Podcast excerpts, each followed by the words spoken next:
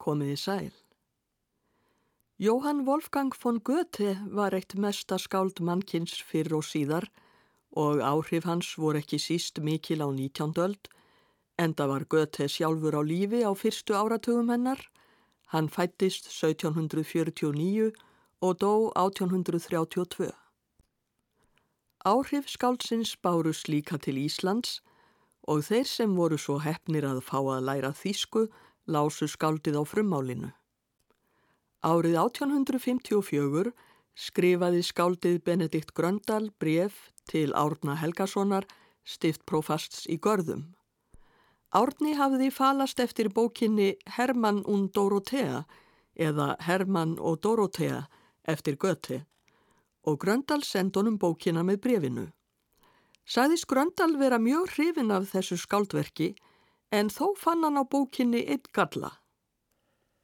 Það sem okkur er annars óviðfeldnast er það, held ég, að Dorothea talar svo mikið og okkur finnst það óviðkunnarlegt að láta stúlku tala svo innlegt, langt og fullorinslega. Já, það var ekki viðkunnanlegt á 19. öld að stúlka talaði mikið, síst af öllu ef hún talaði fullorðinslega. Gröndal reynir þó að afsaka skáldið. En ætli það liggi ekki í eposins karakter og ætli það sé ekki tilgangur skáldsins að leiða fram hugsanir og tilfinningar stúlkunar alveg til þess að sína allan þann innra gang þess dramatíska atbyrðar sem einmitt gengur innst út frá hjartanu. Göte samti söguljóðið Hermann og Dorothea á árunum 1796 til 97. Það er eiginlega skáltsaga í ljóðaformi og gerist í styrjöldunum sem hófust skömmu eftir fransku byltinguna. Þá gerðist það meðal annars að franski herin réðist inn í kjörfustadæmið Pfalz í söður Þískalandi og urðu íbúanir að flýja. Sagan gerist í Þorpi skamt frá borginni Mainz en flóttamannabúðir hafa verið settar upp rétt fyrir utan Þorpið. Hermann er sonur auðugs kráareiganda og fer með fött og mat frá foreldrum sínum til hjálpar flóttamönnunum. Hann hittir þá Dorotheu, unga stúlku sem sjálf er á flóta og leiðir uksavagn en í honum liggur kona nýbúin að ala barn. Hermann felur Dóróteu að skipta gjöfunum á milli flótamannana og hrifst af dugnaði hennar, hjálpsemi og gæsku við þá flótamenn sem er við að steiga. Þegar hann kemur heim, byður hann foreldra sína um leifi til þess að giftast henni, en fadir hans er á móti því þar sem Dórótea er fátækur flótamaður og hann ætlar síni sínum ríkt kvonfang. En móðir Hermanns sér að hann ber í brjósti djúpa ást til Dorotheu og henni tekst að fá föðurinn til að samþykja ráðahægin, þó með því skilirði að presturinn fari fyrst og kynni sér hvaða orð fer af stúlkunni, hvort hún sé síðprúð og digðug.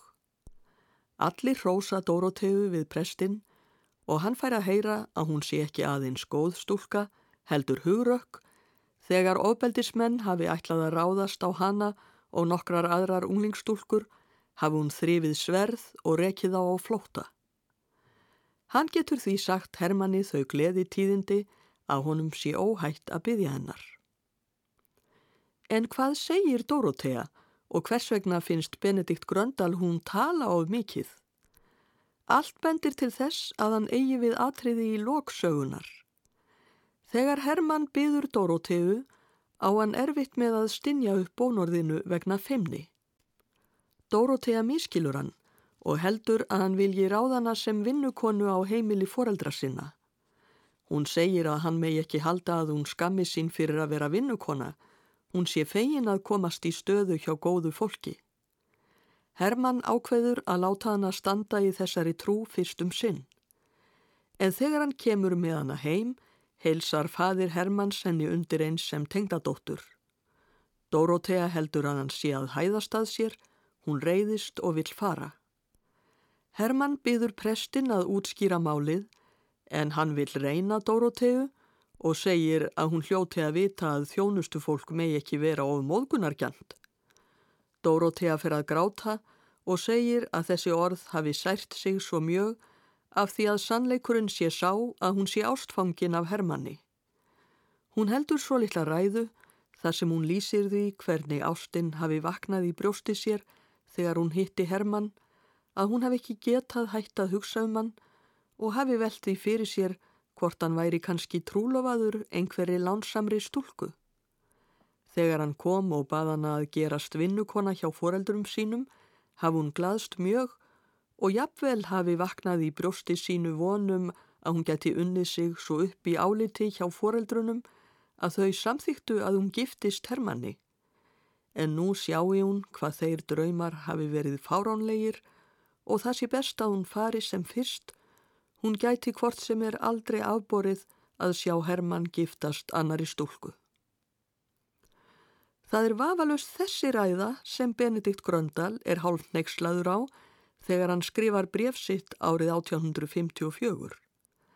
Samkvæmt við horfum 19. aldar áttu konur ekki að trana sér fram og að kona talaði frjálslega um ástina í brjósti sér, játaði jafnvel manni ást sína í votta viðurvist, var sérlega neykslanlegt.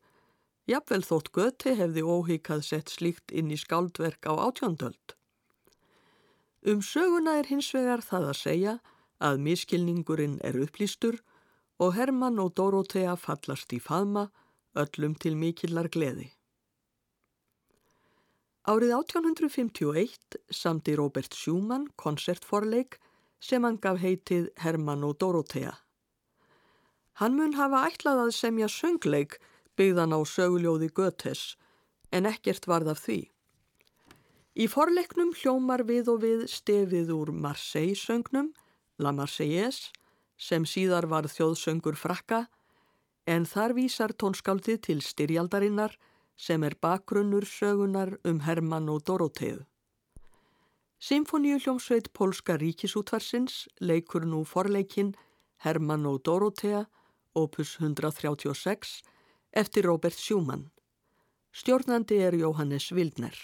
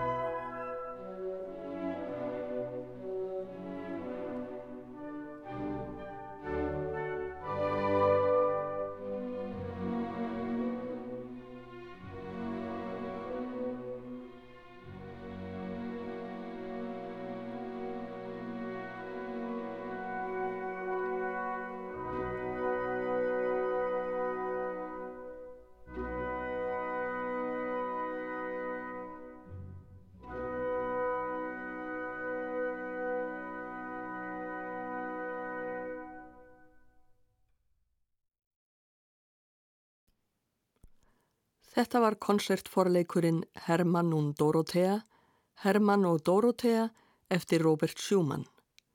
Symfoníu hljómsveit Pólska ríkisútvarsins lék en Jóhannes Wildner stjórnaði. Margar eftirminnilegar kvenlýsingar má finna hjá Göte og hér verða leiknar tónsmíðar sem tengjast tveimur öðrum konum úr skáldverkum hans. Það eru brúðurinn frá Korindu í samnemdu ljóði og Lotta í raunum Verters unga en báðar þessar konur eiga ímislegt sameinlegt með Dorotheu. Brúðurinn frá Korindu lýsir ástsinni hispurslaust ekki síður en Dorothea. Hins vegar hefur þessi brúður þá sérstöðu að hún er vofa og ef til vill hefur vofum leifst að tala frjálslegar um ástir en lifandi konum. Göte orti ljóðið Die Braut von Korinth um svipaleiti og hann samti Hermann og Dorotheu eða 1797. Ljóðið gerist í Greiklandi til forna. Í því segir frá pilti frá Korintu sem kemur að kvöldi dags til Aþenuborgar og færað gista hjá vinafólki sínu. Hann var áður trúlofaður dóttur hjónanna en þegar fjölskyldan tók kristnatrú var trúlofuninni slitið. Engað síður tekur húsmóðurinn gestinum vel og hann leggst til sveps í gestaherberginu. Þá byrtist ung stúlka kvítklætt og hann sér ekki betur en þetta sé unnustan sín fyrverandi.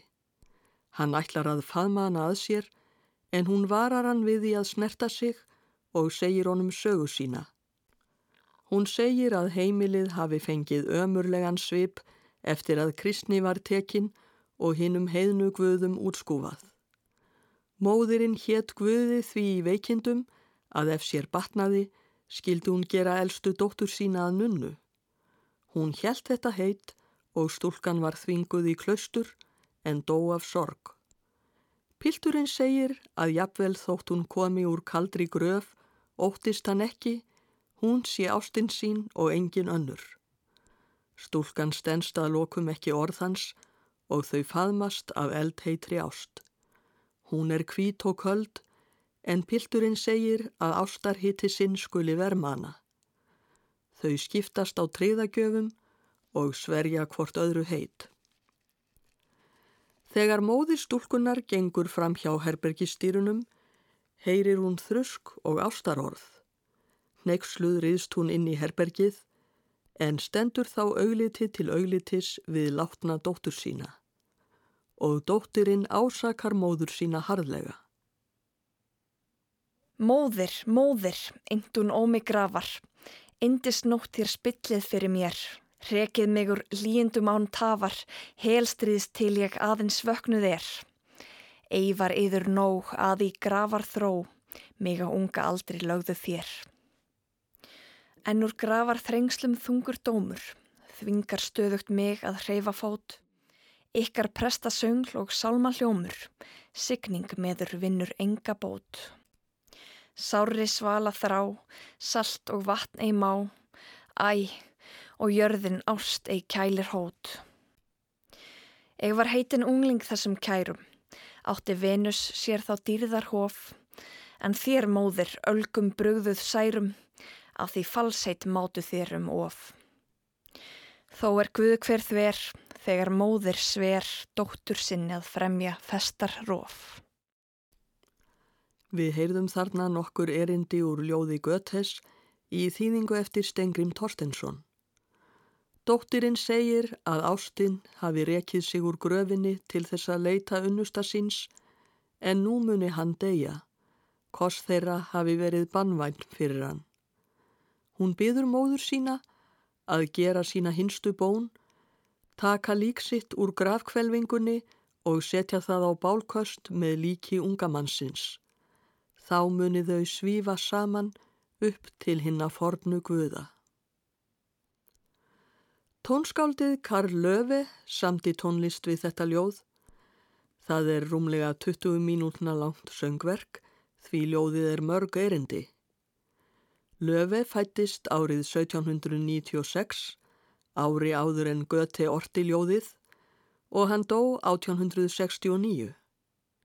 Íris Vermiljón syngur nú balluðuna Die Braut von Korinth, brúðurinn frá Korintu, eftir Karl Löfe við ljóð Götes. Pianoleikari er Kort Garben.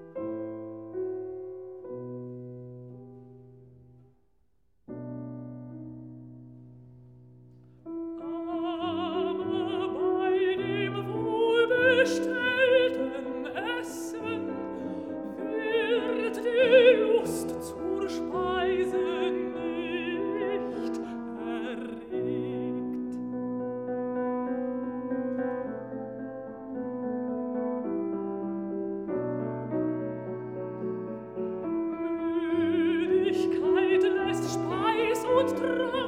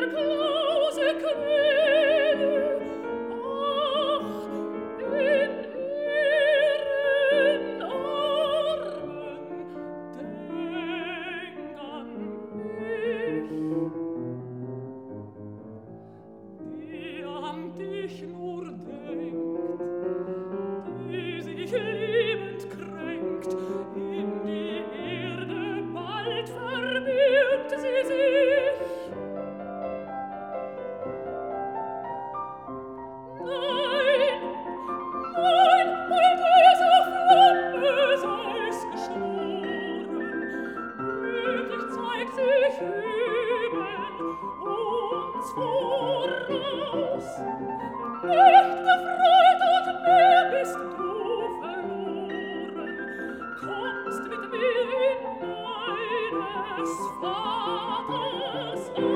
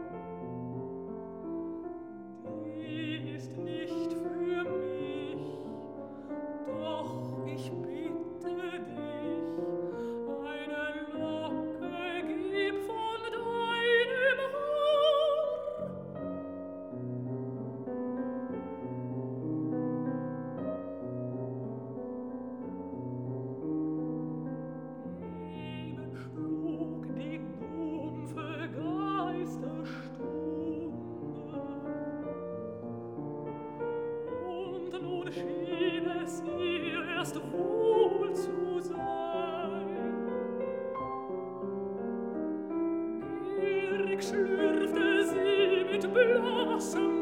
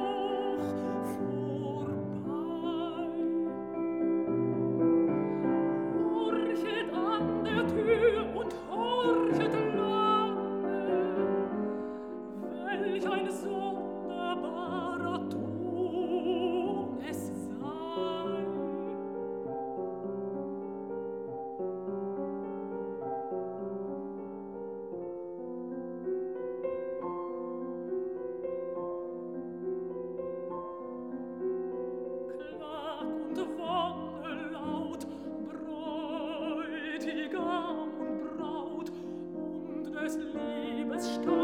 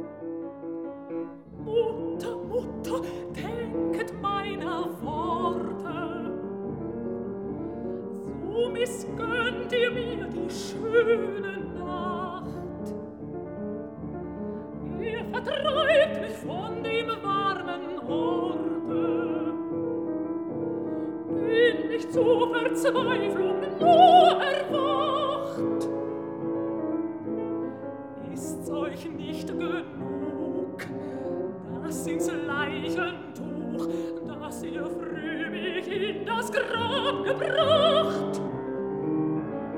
Aber aus der schwebedeckten Enge treibet mich ein eigenes Gericht. Euer Priester summt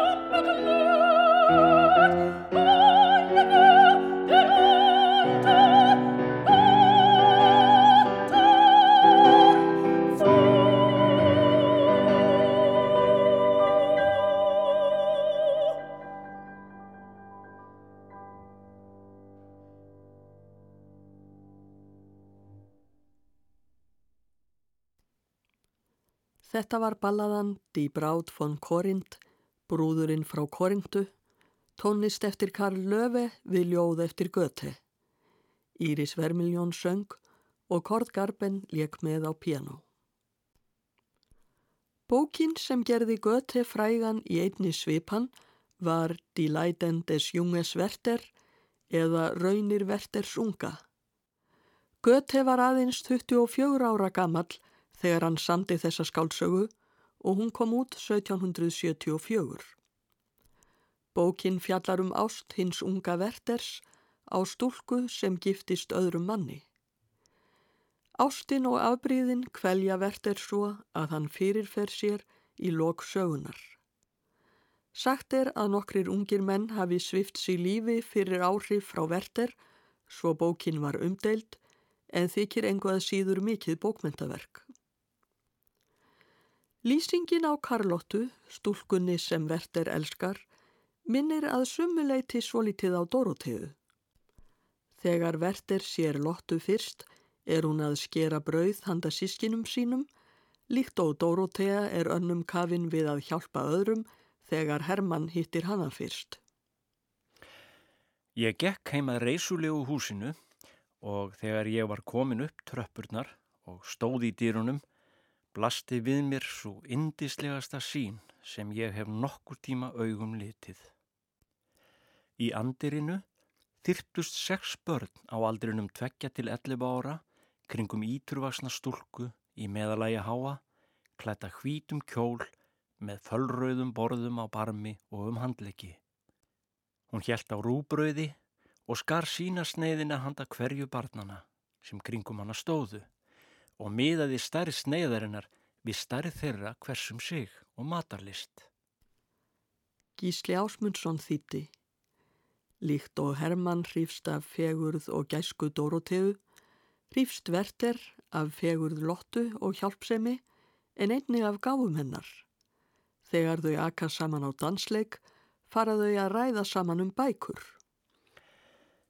Mér fannst koma fram svo skýr domgrind í öllu sem hún sagði Ég sá í hverju nýju orði töfra, nýjan ljóma andríkis í andlitinu sem smám samar virtist breytast í ánægu af því hún fann að ég skild hana. Árið 1892 samti franska tónskáldið Zylmassunni óperuna Verter sem byggð var á sögu Götes. Við skulum nú að lokum heyra duett Verters og Lottu með rien de moi úr þessari óperu. Placido Domingo fer með hlutverk Verters en Elena Obraststofa syngur Karlottu. Ricardo Sjægi stjórnar Symfoníu hljómsveit útvarsins í Köln. Ég þakka hlustendum samfildina, veriði sæl.